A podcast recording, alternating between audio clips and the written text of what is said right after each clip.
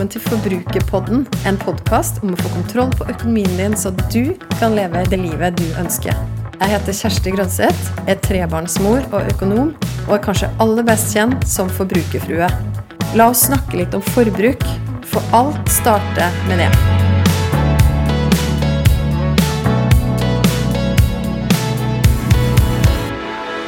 Hei, kjære venn. Jeg håper du har en god dag, og håper du har hatt en så god start på det nye året som du har kunnet hatt i din situasjon, der du er Du, jeg håper du har lyst til å henge med meg nå de neste ca. 40 minutter. Jeg har en bra gjest på gang. Jeg har allerede spilt inn episoden, så jeg vet at det du får nå, det er bra. Og det er sånn at underveis i denne episoden så ble jeg så motivert. Etterpå var jeg også supermotivert, og det er jeg sikker på at du blir av å høre på den personen som jeg nå er så heldig å få lov til å introdusere. Nå sitter jeg her i studio i Forbrukerpodden med Anniken Binds. Anniken er mentaltrener og brenner for at du skal kunne leve det livet du drømmer om. Og Det er fantastisk for meg da, Anniken, å kunne ønske deg velkommen såpass tidlig i 2021, mens vi fortsatt er motiverte og, og har alle disse fine tingene vi ønsker å oppnå for 2021. Hjertelig velkommen til Forbrukerpodden! Tusen takk, det er kjempehyggelig å få lov å være gjest her. Det er så stas å ha deg med. Du, Aller først, Anniken litt sånn kjappe fakta. Hvem, hvem, er du for folk som ikke kjenner deg, som nå hører på den podkasten her?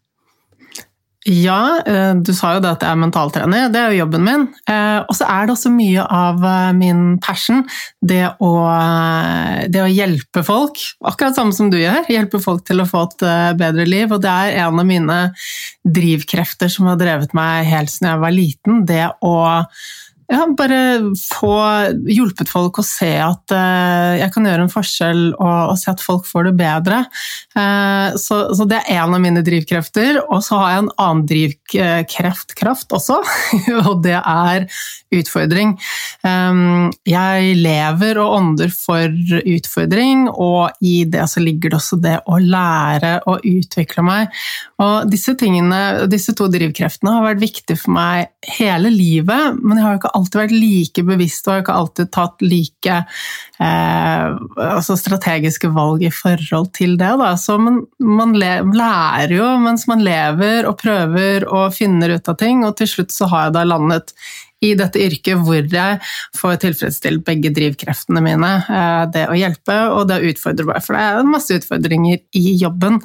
Um, og bortsett fra det å være mentaltrener, så er jeg mamma, har eh, to barn på åtte og ti, er gift, bor i en rød tomannsbolig uh, i Oslo og er veldig glad i å være ute og leke, bruke kroppen. Ja, det er mye jeg kunne sagt, da, men det er kanskje det som er viktigst i livet mitt. Det er veldig bra. Du, takk. Nå, nå, har vi blitt bitte litt kjent med deg, så skal vi bli bedre kjent med deg også i løpet av denne episoden. her, Men jeg har lyst til å spørre deg, har du et minne av litt sånn første gangen du hadde opplevelsen av det å kunne, kunne hjelpe noen til å ta noen gode valg i noen andre sitt liv? Hmm, det var et godt spørsmål. Det er egentlig ikke noe som dukker opp i hodet mitt. Det har bare alltid vært et Jo, eller det er det faktisk, når jeg tenker meg om det. Tilbake fra barneskolen så husker jeg at jeg alltid eh, De som var litt utenfor i klassen, de tok jeg meg alltid litt ekstra av. Og, eh, og var sammen med de og fant på ting med de og gjorde mitt for å inkludere de. Og likevel så var jeg også altså Alle barneskoleårene så husker jeg at jeg selv følte meg veldig utenfor. Men så, eh, og, og, og var perioder hvor jeg ikke ble invitert til bursdager og var ikke veldig populær, men likevel så hadde jeg en sånn et eller annet i hjertet mitt som gjorde at jeg, når noen har det vondt, så bare så må jeg bare må hjelpe til. Så, så, den følelsen av å bare være der for de som trengte det, det var veldig fint. Hm, så fint! Det var der allerede da. Utrolig fint. Jeg skulle ønske at jeg var venn med deg da på barneskolen. det hadde vært hyggelig. Veldig bra. Du, Anniken, du er jo en veldig fascinerende person. For at du sier jo det at du både liker, liker, å hjelpe andre, og at du liker å utfordre deg sjøl òg. Og det kanskje ikke mange vet, er at du har jo faktisk vært profesjonell basehopper. Ja. Så det er jo ikke bare litt du liker å utfordre deg sjøl heller, da, tenker jeg. Og så syns jeg det er en utrolig fascinerende og kul kombinasjon. Eh, jeg, og, og, jeg tror jo egentlig at de, disse to tingene som er viktige for meg, da, det å hjelpe andre og det å utvikle meg og utfordre meg, det er egentlig ganske universelt. Det er ikke noe unikt ved meg. Jeg, jeg vet at det er det som motiverer og gleder alle mennesker. Eh, vi har kanskje bare ikke funnet ut av det og dyrket det så mye. Og så varierer det jo selvfølgelig fra person til person. Vi har jo, vi har jo masse andre ting som, som, vi liker å fylle livet vårt med, men alle mennesker blir glade av å hjelpe andre. Eh, så, og det, det, er jo sånn vi menneskene er laget, fordi at hvis vi ikke trivdes med å hjelpe andre, så hvordan ville det gått med menneskeheten da? Skulle alle bare kjørt et sololøp? Det går jo ikke. Så vi, vi er jo laget sånn at vi blir glade, vi, vi frigjøres jo masse lykkehormoner når vi hjelper andre, rett og slett. Og det å utfordre seg og utvikle seg og oppleve vekst, det ligger også i oss mennesker for at vi skal komme oss videre som, som mennesker, da, menneskeheten. Så, så trenger vi å, å, utvikle oss og hele tiden forbedre forholdene våre. Det handler rett og slett om overlevelse. Så, så jeg tror ikke at jeg er veldig unik. Jeg har bare jeg har vært bevisst på disse tingene og dyrket det, og jeg vet at det, uten disse tingene i livet mitt, så har jeg det ikke bra, og derfor så gjør jeg en veldig stor innsats for at jeg kan ha disse tingene i livet mitt. Det er så inspirerende. Og så har jeg lyst til å spørre deg, for du vet jo at eh, for min del det jeg brenner for, bl.a. gjennom denne podkasten, her, er å inspirere folk og hjelpe dem til å ta gode valg i sin private økonomi. Og så vet jeg jo at Det er jo ikke noe du nødvendigvis driver og coacher folk om til daglig, men jeg har invitert deg til denne episoden her nå for å ta noen av dine liksom, teknikker og triks og perspektiv som nettopp mentaltrener, også kunne hjelpe oss som har noen helt konkrete mål for nettopp økonomien vår i 2021. Hva, hva tenker du er det viktigste når vi, når vi fortsatt står ganske sånn foran et nytt år, og for de som hører på som har satt seg noen konkrete økonomiske mål? Hvordan, hvordan skal de i hele tatt tenke? Jo, det er jo Det, det var jo mange spørsmål uh, her på én gang. uh, altså, hvordan skal vi tenke? Altså, altså, først og fremst, Hvis vi har satt oss et mål, så handler det om å tenke at det, dette målet er overkommelig, at det, litt, at det, er realistisk, at vi ikke på en måte tar oss vann over hodet. Eller også, også, det at vi kanskje våger å sikte litt høyt, fordi vi vet at det, da blir vi mer motiverte når vi rett og slett uh, får litt gåsehud av å tenke på de målene vi har satt oss. Um, så, men, men er, kanskje man er på et sted hvor man ikke har satt et mål og egentlig ikke vet hvor man vil, eller så tenker man kanskje bare å, jeg har lyst på bedre økonomi, uh, men uh, det er på en måte det er en fin tanke og en fin drøm at vi sier jeg har lyst på bedre økonomi. Og for at vi i det hele tatt skal klare å gjøre noe med det, så handler det om å lage en konkret plan og lage rett og slett et konkret mål. Eh, og eh, da når vi som mentaltrenere og coacher også har jo en god liste, en sånn sjekkliste som vi bruker når vi skal jobbe med målene, sånn at de eh, blir så gode at vi faktisk klarer å nå de, da. Og det er veldig bra. Så start med et konkret mål som gjerne er realistisk, men som også er ambisiøst. Det liker jeg. Og gjør målet spesifikt nok, sånn at man faktisk kan gå ut og gjøre, gjøre noe konkret med det. ikke sant? Mm, Hvis man sier ok, jeg har lyst på, har lyst på bedre økonomi i år, eh, så, så, er jo ikke det hva, hva, skal vi sikte på da? Hva, hva, er egentlig bedre økonomi? Da må vi tenke etter hva vil det si. Er det at jeg tjener mer? Er det at jeg har færre utgifter? Eh, så det å bare sette opp en sånn konkret eh, setning da, som sier at ok, Uh, Istedenfor å tenke bedre økonomi, så vil det si at jeg har så og så mange kroner inn netto da, eh, på konto hver måned, mm. f.eks. Eller at jeg har eh, redusert utgiftene med så og så mye, eller at jeg klarer f.eks. å spare så og så mye hver måned. Det er jo mye mer konkret, og lettere da å lage en plan for hvordan man skal oppnå det, når man da har noe fast å forholde seg til. Mm. Ja, du Anniken, du har jo en podkast du også, som heter Level Up med Anniken Beans. Og der snakker du om veldig mye klokt. Så tror jeg en av favorittepisodene mine heter noe sånn som 'Hvordan du kan få en magisk dag'. Og, og den traff meg på et veldig godt sted. For der snakker du om at man ofte har sånn derre Ja, men når jeg bare er ferdig med det her, da skal jeg Når korona er ferdig, da skal alt bli bra. Eller eh, når jeg bare tjener litt mer penger, da skal jeg kunne begynne å spare, eller da skal jeg kunne begynne å gi til andre, eller sånne ting. Men så snakker jo du, så sier du noe i den episoden da, om at dagen i dag egentlig en miniatyrutgave av hele livet ditt. Det syns jeg var en så veldig kul setning. Men hva mener du egentlig med det? Jo, det jeg mener er jo det at eh, vi kan jo velge å tenke at jeg skal leve livet mitt i morgen eller i overmorgen, men det er jo ikke noen garanti for morgendagen. Sånn at eh, hvis vi skal la lykken vår, eller den gode økonomien vår, helsen, og velvære være på vent da, til vi kommer til et sted, så går vi glipp av livet vårt. Eh, og så mener jeg også det at eh, det vi gjør i dag La oss si at, for at du har en jobb som du ikke syns er veldig inspirerende.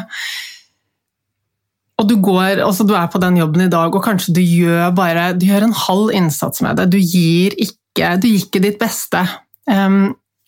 Da er det ingenting som tilsier at du kommer til å gi ditt beste når du er i den neste jobben din, når du gjør det som du kanskje tilsynelatende syns er morsommere, eller at du eh, kanskje er, går gjennom dagen i dag og du kanskje ikke er så snill med deg selv som det kunne ha vært. Um, så, kom, så, er det ingen sånn magisk ting som sier at ok, men når du har tjent litt mer penger, eller når, du har litt mer fri, så kommer du til å være snillere med deg selv eh, og ta mer vare på deg selv. Det er ikke noe magi i det. Så hver eneste dag har vi muligheten til å leve det livet som vi har lyst til å leve, fordi at det er eh, hvis vi ikke gjør det i dag, så kommer vi heller ikke til å gjøre det i morgen eller overmorgen, og ingenting blir bedre av at ting rundt oss endrer seg. Eh, det er vi som trenger å endre på det inni oss. Og jeg, det, jeg, snakker jo av Selvfølgelig har jeg lest masse om dette, men jeg snakker også av erfaring, fordi jeg har ikke vært mentaltrener hele livet mitt, og jeg har vært jeg har gjort masse bra ting, fine ting, spennende ting, morsomme ting i livet, men jeg har, eh, før jeg lærte å jobbe med mindsettet mitt, så kunne jeg gå gjennom dager og uker og perioder hvor egentlig alt var veldig fint, uten at jeg hadde det fint i det hele tatt. Og da er det jo liten mening med livet hvis man kanskje er eh, i paradis, men, men egentlig bare sint og sur og irritert, f.eks. Så ja, det var en litt lang avhandling på spørsmålet ditt, men jeg, jeg tenker at det, det, er viktig å huske på at hvis du ikke gjør det ordentlig i dag, så kommer du heller ikke Det er ingen garanti for at du kommer til å gjøre en bedre jobb i morgen, eller du ikke Hvis du er sliten i dag og så tenker du at jeg tar bare den kaffekoppen istedenfor å hvile, så kommer du ikke til å komme til et sted i morgen eller overmorgen hvor du tar det gode valget sånn bare fordi du har kommet dit. Det er i dag vi trenger å ta de gode valgene. Eh, og det er så lett og det er tungt å ta de valgene. Um, det krever at vi sparker oss litt i rumpa, og eh, derfor er det så mye lettere å bare si at ja, men når jeg kommer dit, når jeg har gått ned de kiloene, når jeg har fått det nye huset, eh, da skal ting bli bedre. Og vi alle har jo større eller mindre grad av dette. Det er jo, det er jo veldig menneskelig. Jeg f.eks. har jo eh, altså to barn. De har eh, et lite soverom i andre etasje hvor de ikke er, og det er ikke plass til så mye leker. Så eh, nede i stuen så eksploderer du jo av leker. Den er velkjent. ja. Så det er sånn daglig indre diskusjon med meg selv hvor jeg bare å, Alle de lekene. Ikke sant? Bare uh, stenge av for alt det der uh, rotet, da. Uh, og finne roen i det, og så, og så tenke at ja, nei, jeg skal rydde opp i de lekene, jeg skal få se system på det når vi får bygget ut et ekstra soverom. da blir det bra. Eh, men, men, sannheten er jo at eh, jeg hver eneste dag har valget om å gjøre det bra. Og se på at vet du hva, eh, jeg har to barn som fortsatt er relativt små, og det er hyggelig at de er sammen med oss istedenfor at de sitter på hvert sitt rom, f.eks. Så det er bare det å velge å se, se det som er bra i den situasjonen. Mm. Det gir veldig mening for meg det du sier, og jeg skjønner veldig godt hva du mener. Det er så lett at det sniker seg inn sånn åh, men når det her bare er over, så skal jeg. ikke sant? Og, og jeg har jo snakka med mange, sånn, apropos det her med, med covid og, og sånn lockdown som vi fortsatt er, er inne i, da. Og jeg har jo snakka med folk som har sagt at de for eksempel, Masse ting de greier de skulle på nå i høst, ble avlyst, så da ble de bare sittende hjemme. og Så trengte de noe å gjøre, så bare begynte de å nettshoppe. Og så er det sånn, ja, men det, det måtte jeg på en måte, det blei bare en konsekvens. Og så er det utrolig hvor fort det setter seg som en vane. da. Og så er det litt sånn, ja, ja, men så, så tillater jeg meg sjøl egentlig å gjøre det, fordi at åh, jeg skal bare ta tak når det her nå endelig blir går over, da, når vi kommer tilbake i normal rytme igjen. Og Det samme med det å for kunne ønske å bety noe med pengene sine og gi til andre. Det er også sånn klassisk som jeg kjenner igjen fra at man sier at ja, men det har jeg jo ikke råd til nå, det, da må jeg jo tjene litt mer, da må jeg bli litt rikere. Men egentlig begge de eksemplene så hvis jeg skal oversette mitt liv og tenke ditt perspektiv med dagen i dag, så kan jeg jo bestemme meg i dag for å ikke bruke kortet mitt, f.eks. Hvis det er noe jeg syns er utfordrende akkurat nå. Jeg kan legge det et sted, jeg kan gjemme det bort. Jeg kan tenke meg selv at nå har jeg etablert sunne vaner, nå skal jeg ikke shoppe mer på nett. Og så kan jeg jo også i dag bare vippse eh, en femtilapp til en venn, og gi av noe av det jeg har, for å oppmuntre noen andre eller til en organisasjon. eller hva som helst. Og da har jeg jo egentlig allerede begynt å leve litt mer av det livet som jeg drømmer om. da. Mm, helt klart, og, og, det er akkurat det du sier. Det, du, du, sier nøkkelen her når folk har blitt sittende hjemme, og så har du gjort det én gang og to ganger, og så har det blitt en vane. sant? Så vi eh, det er jo helt eh, rått, for vi, vi er jo laget sånn at vi lærer veldig fort når vi repeterer én ting. Så det er klart at uh, vi lager oss fort en vane av å, å shoppe eller gjøre andre ting som kanskje ikke er så hensiktsmessig. Men det som er så fint, er at vi da vet vi jo at vi like lett kan lage gode vaner som faktisk bidrar til at vi har det bra, istedenfor at vi stadig går rundt og, og er skuffet. Eh, og det er jo liksom dette med, med covid-19, og det er jo Jeg syns det er synd, for det er så mange som som har satt livet sitt på hold og bare er umotiverte og tenker at ja, alt blir bedre til neste år. Og nå er vi jo i neste, år til neste år, da, og ting er jo akkurat sånn som de var i fjor. ja. Eh, og da har vi jo kastet bort altså hele tiden fra mars da, med å, å sitte hjemme og tenke, tenke at uh, dette, er, uh, dette er nitrist, og det blir bedre senere. ikke sant? Og um, vi, vi, har alltid muligheten til å gjøre ting bra selv om ting ikke er bra, og det er en veldig fin bok eh, for de som er interessert i det, av Viktor Frankel, som, eh, som heter 'Man's Search for Meaning'. Eh, tror jeg. Mm, ja, mm. Har du lest den? Jeg har ikke lest den, mannen min har lest den. Han anbefalte ja. den veldig. Det er han som eh, overlevde konsentrasjonsleir ikke sant, under krigen. Ja. ja. Og da beskriver han jo da disse fangene i konsentrasjonsleiren som likevel på slutten av en helt forferdelig tung dag stopper opp og ser på solnedgangen og nyter den vakre solnedgangen. Mm. Mm. Sånn at eh, hvis de klarer å finne gode øyeblikk i en konsentrasjonsleir, så klarer vi det med lockdown i hjemmekontor. ikke sant? Men det handler om å ta det valget, og ikke la oss eh, bare gli inn i denne 'Å, jeg har det ille nå, det blir bedre senere', så da gidder jeg ikke å gjøre noe nå for at det skal bli bra. Mm. Og du Anniken, du snakker jo også ganske mye om det her å være hovedpersonen i sitt eget liv. Og det er jo mye relatert til det vi snakker om nå, kunne ta aktive valg ut fra det at jeg er hovedpersonen i mitt eget liv. Hvorfor tror du vi ender opp ofte med å ikke være det? Ja, det tror jeg egentlig er mange grunner til, og jeg tenker at det sikkert har noe med kulturen å gjøre også. Eh, og janteloven, ikke sant. Vi, vi, skal jo ikke tro at vi er noe, vi skal ikke, skal ikke sette oss selv foran andre. Eh, men det vi, det perspektivet vi glemmer, da, er at For vi tenker hele tiden at vi, det beste for alle andre og for verden er om vi setter andre foran oss selv. Men det er ikke sant. ikke sant? Når vi er på flyet, så får vi alltid beskjed om at hvis, det er annet, hvis oksygennivået dropper, skal vi ta på oksygenmaskene på oss før vi hjelper de små barna, f.eks. Og det handler om det når vi ikke tar vare på oss selv, så får vi det ikke noe bra. Og når vi ikke har det bra, så er det vanskelig å gi noe bra til de rundt oss og til verden. Så vi gjør hele verden en stor tjeneste ved å ta vare på oss selv og sette oss selv i førersetet.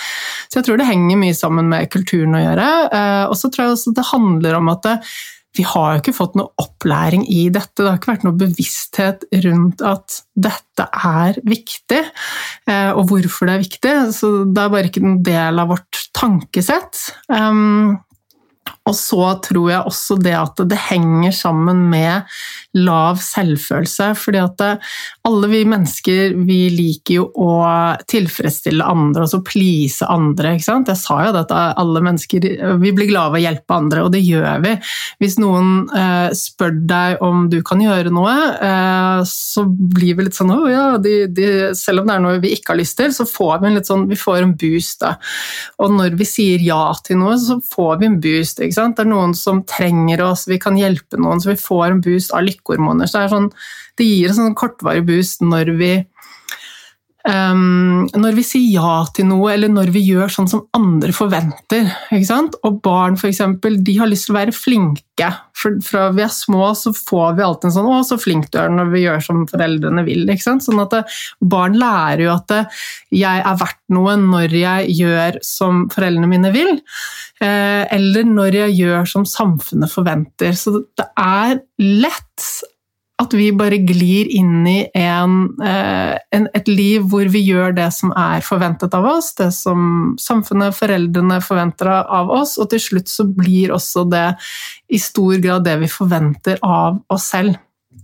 Eh, så, så det tror jeg er mange av grunnene. Og det at eh, vi lever hektiske liv. Og eh, mange hopper rett inn i hamsterhjulet uten å ha noe rom for egne tanker. Og når vi ikke har tid til tankene våre, så, så, glemmer vi hvem vi er og hva vi vil, og vi glemmer å sette av tid til det, rett og slett. Det blir bare en sånn der evig gjøre, gjøre, gjøre-karusell, og så, så, klarer vi ikke å stoppe opp. Og hvordan da, tusenkronersspørsmålet, da, hvordan kan vi bli mer av nettopp hovedpersonen i, i våre egne liv? Ja, det første steget er jo å stoppe opp og tenke litt. Så jeg, ehm, jeg stopper opp flere ganger i løpet av dagen og lar tankene mine bare få lov å, å være. Altså bare lar tankene løpe fritt. Gjerne når jeg går en tur. Det er jo sånn at vi er mer kreative. Hjernen vår funker bedre når vi er i bevegelse. Sånn at eh, det å bare gå en tur og la tankene vandre, det er en fin måte å begynne å bli litt mer ehm, Eh, jeg får litt mer peiling på hvem man, eh, hvem man har lyst til å være. Da. Men, men så handler det også en om å bestemme seg for at dette er viktig. Skjønne at eh, jeg har det bedre hvis jeg tar styringen, hvis jeg ikke bare gjør som alle andre vil, fordi det gir ikke noe ordentlig glede. Og så begynne å grave litt i hva er det som gir meg glede, hva er det som er viktig for meg i mitt liv.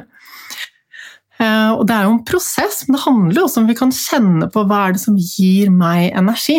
Um, og vi merker det når, vi, når ting kjennes feil ut, når det liksom suger litt i magen vår, får sånn, der, ah, sånn knugende følelse, da er vi inne og gjør et eller annet som, som ikke er riktig for oss. Og så merker vi det når vi er når vi har bare masse glede og motivasjon og kjenner at yes, dette her trives jeg med å gjøre, og det handler mye om verdiene våre, det som er viktig for oss. Um, så, um, så, det å bare begynne å legge merke til hva er det som gjør meg glad, og hva er det som stjeler energi i livet mitt, og det kan vi sette oss ned og rett og slett skrive ned og få det på liste, for det er en prosess, og det, og det er sånn vi må liksom sette ned på en liste, og så, og så leve litt i livet vårt og se stemmer dette. Stemmer det at jeg blir mer glad når jeg er ute hver dag? Eh, stemmer det at jeg blir mer glad når jeg tar vare på helsen min? Eh, stemmer det at eh, jeg mister energien min hver gang jeg må gjøre denne arbeidsoppgaven eller jeg må være sammen med denne personen?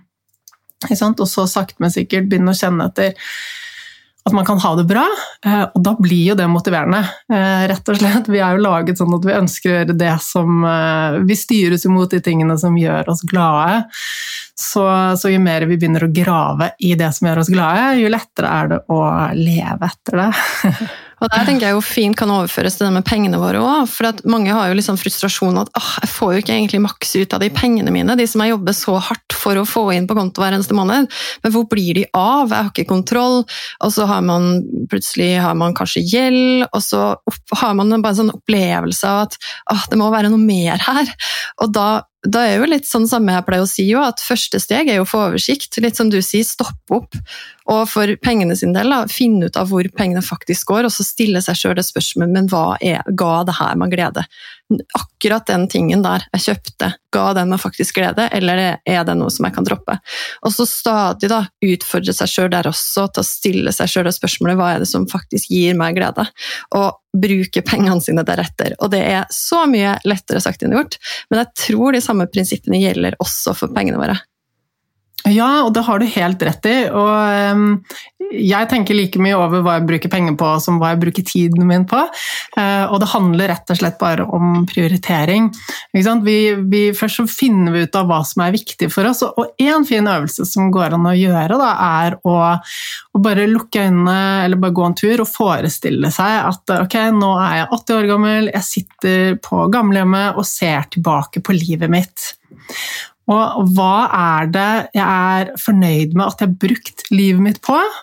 Eh, hva er det jeg skulle ønske at jeg hadde gjort mer av, og hva skulle jeg ønske jeg hadde gjort mindre av? Og, og bare da, når vi liksom inntar et annet perspektiv og ser tilbake på livet, så kan ting bli mye klarere for oss. Vet du hva? Den der, alle de dyre veskene eller uh, all den sminken eller hva det nå var jeg brukte penger på, nei, det var kanskje ikke det som gjorde meg lykkelig til syvende og sist. Så da er det lett å finne ut av det. Så, så ja, som du sier, jo, jo, mer vi finner ut av hva er det som virkelig er viktig i livet mitt, hva, hva er det livet mitt skal handle om, eh, så er det lettere å finne ut av hva skal jeg prioritere. fordi at det, vi har jo ikke råd til alt, og vi har ikke tid til alt heller. Og ofte så må vi velge mellom to ting som kanskje tilsynelatende er like bra for oss. Da. Eh, enten å bruke penger på det eller bruke tid på å gjøre det. Og da må vi gå litt inn i oss selv og tenke ok, men hvordan bidrar det på sikt? Hvis jeg kjøper denne tingen nå, eh, eller begge disse tingene som jeg kan kjøpe, er kanskje tilsynelatende bra for meg, altså bare, men bare analysere litt videre. Hvordan påvirker det, hvordan bidrar det på sikt? Sikt, og hva alle ringvirkningene og hva, altså hvordan påvirker det resten av økonomien, eh, familien min, livet mitt eh, og alt sånn. Um, og når du sier dette med å, sitte hjemme og shoppe så er jo det kortvarig lykke. Og det er, eh, det er altså hørt fra flere eh, som sitter og har shoppet ekstra mye nå under eh, korona, eh, fordi at det gir oss jo veldig kortvarig da, boost av lykkehormoner.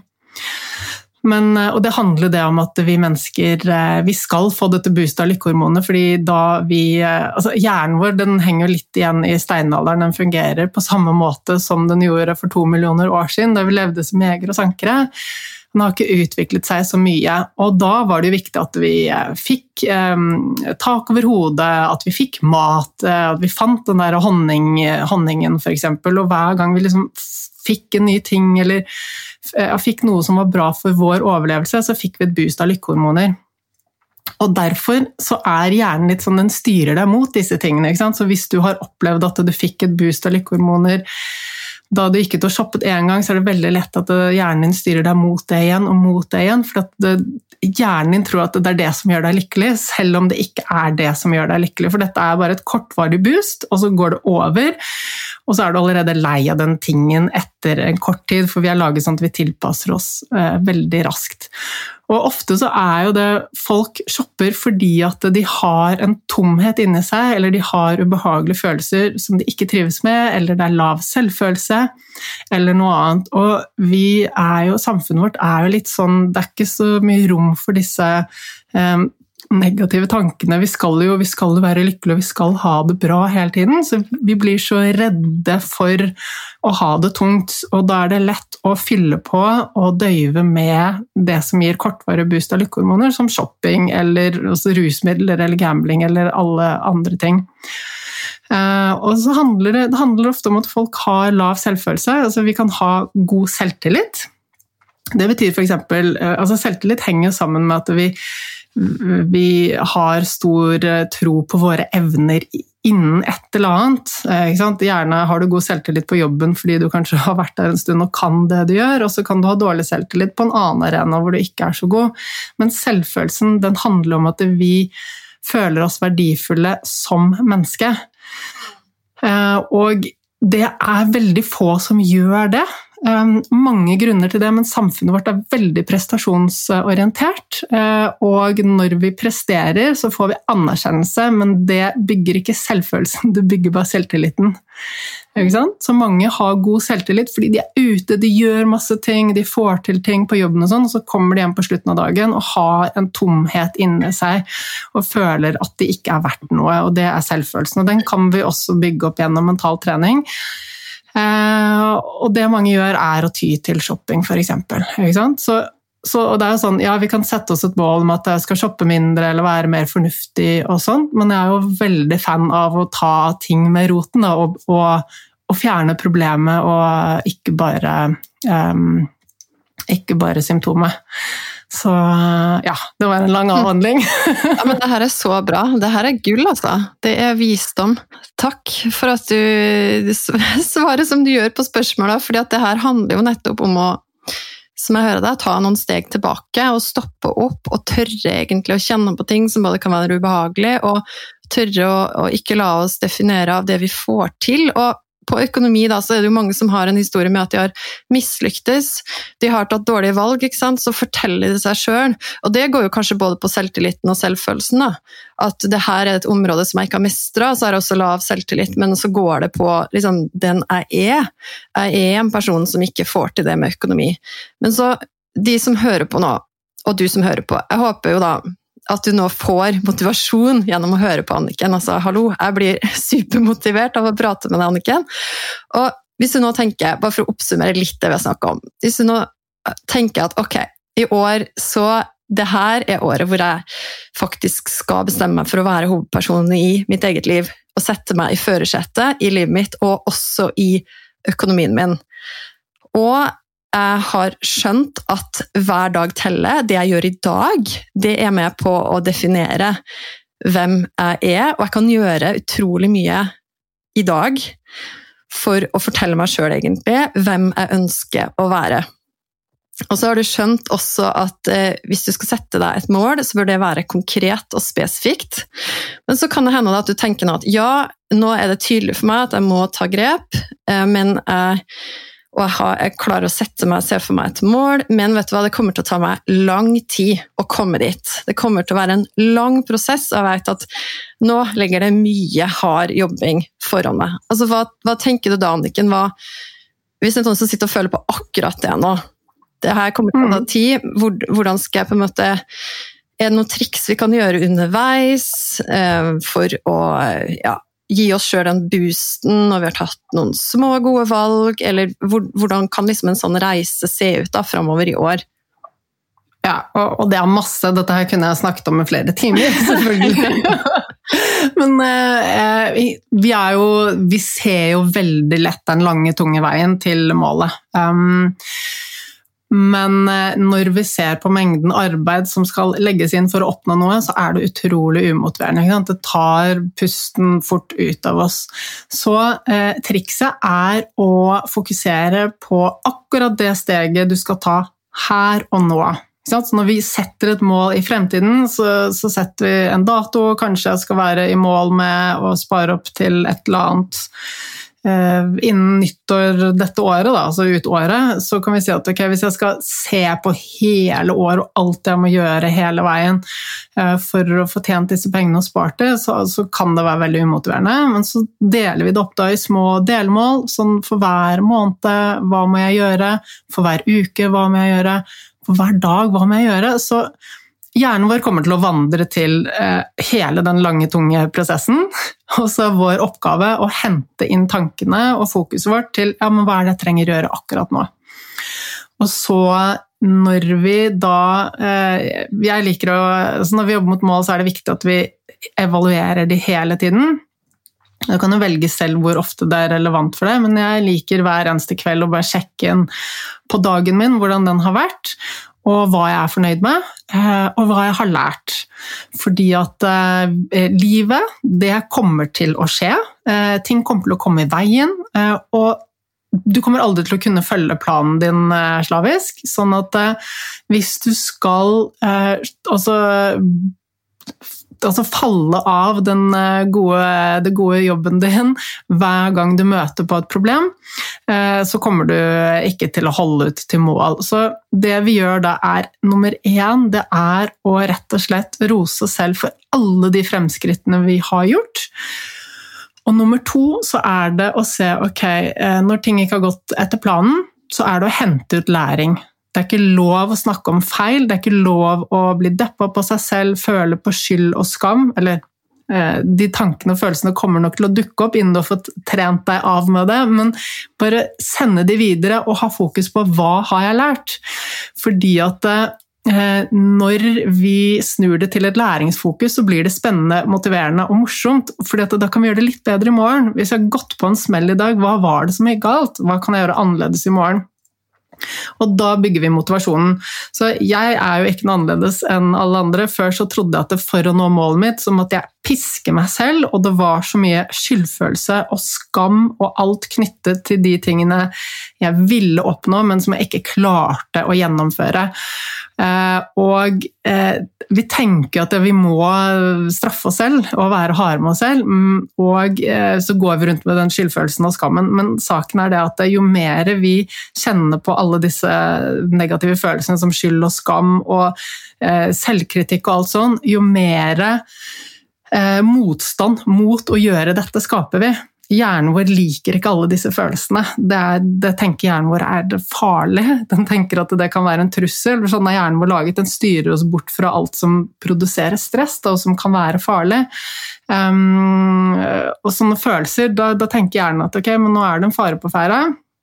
Da vet jeg at det blir litt lang avhandling, altså du får bare stoppe meg, men, eh, men, vi er laget sånn at eh, vi styrer bort fra det som vi knytter skyld og skam og negative følelser til. Så hvis du prøver å gjennomføre et målarbeid, og eh, du bare ender opp hver dag med å kjenne på at du er skuffet og lei av det ikke får til, så kommer du veldig raskt til å styre helt unna hele den prosessen. Så for å bygge motivasjon og for å gjøre det til noe du gjennomfører og har lyst til å gjøre, så skal du rose deg selv. Det var, eh, det én ting. jeg mistet nesten helt tråden her selv.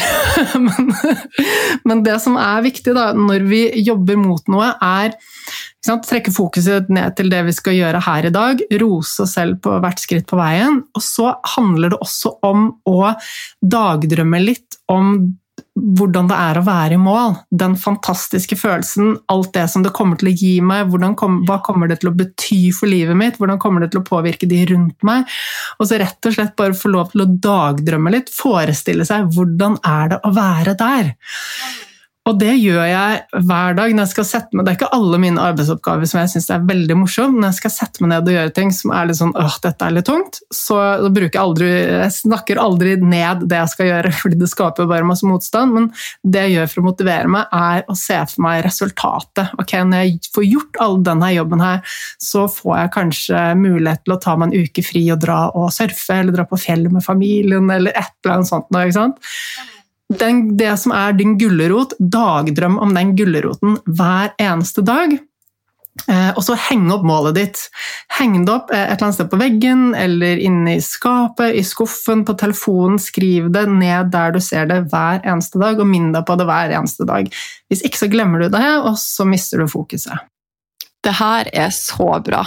Det er utrolig motiverende. Jeg sitter med, her med helt sånn gåsehud når du begynte å snakke om den dagdrømmingen. Og det tenker jeg, så mange som, Veldig mange jeg prater med, de, de starter ut i år nå og har mål, satt seg et mål om å spare opp en større buffer. Og er det noe 2020 har vist oss, så er det jo at det nettopp er smart å ha litt penger på konto i tilfelle et eller annet uforutsett skjer. Og og til deg som har det som konkret mål, da, da kan jo du dagdrømme deg litt bort i nettopp hvor mye mer ro det vil gi deg. Og den tryggheten av å vite at du har penger på konto i tilfelle noe skulle skje, den følelsen tenker jeg bare kan få lov til å meditere litt på, for den er god. Du, tusen takk, Anniken. Jeg skulle gjerne hørt på deg eh, et par timer til, altså. men eh, vi skal gå inn for landing av denne episoden her. Du som hører på, jeg vet, jeg er helt sikker på at du har fått masse, masse ut av det her.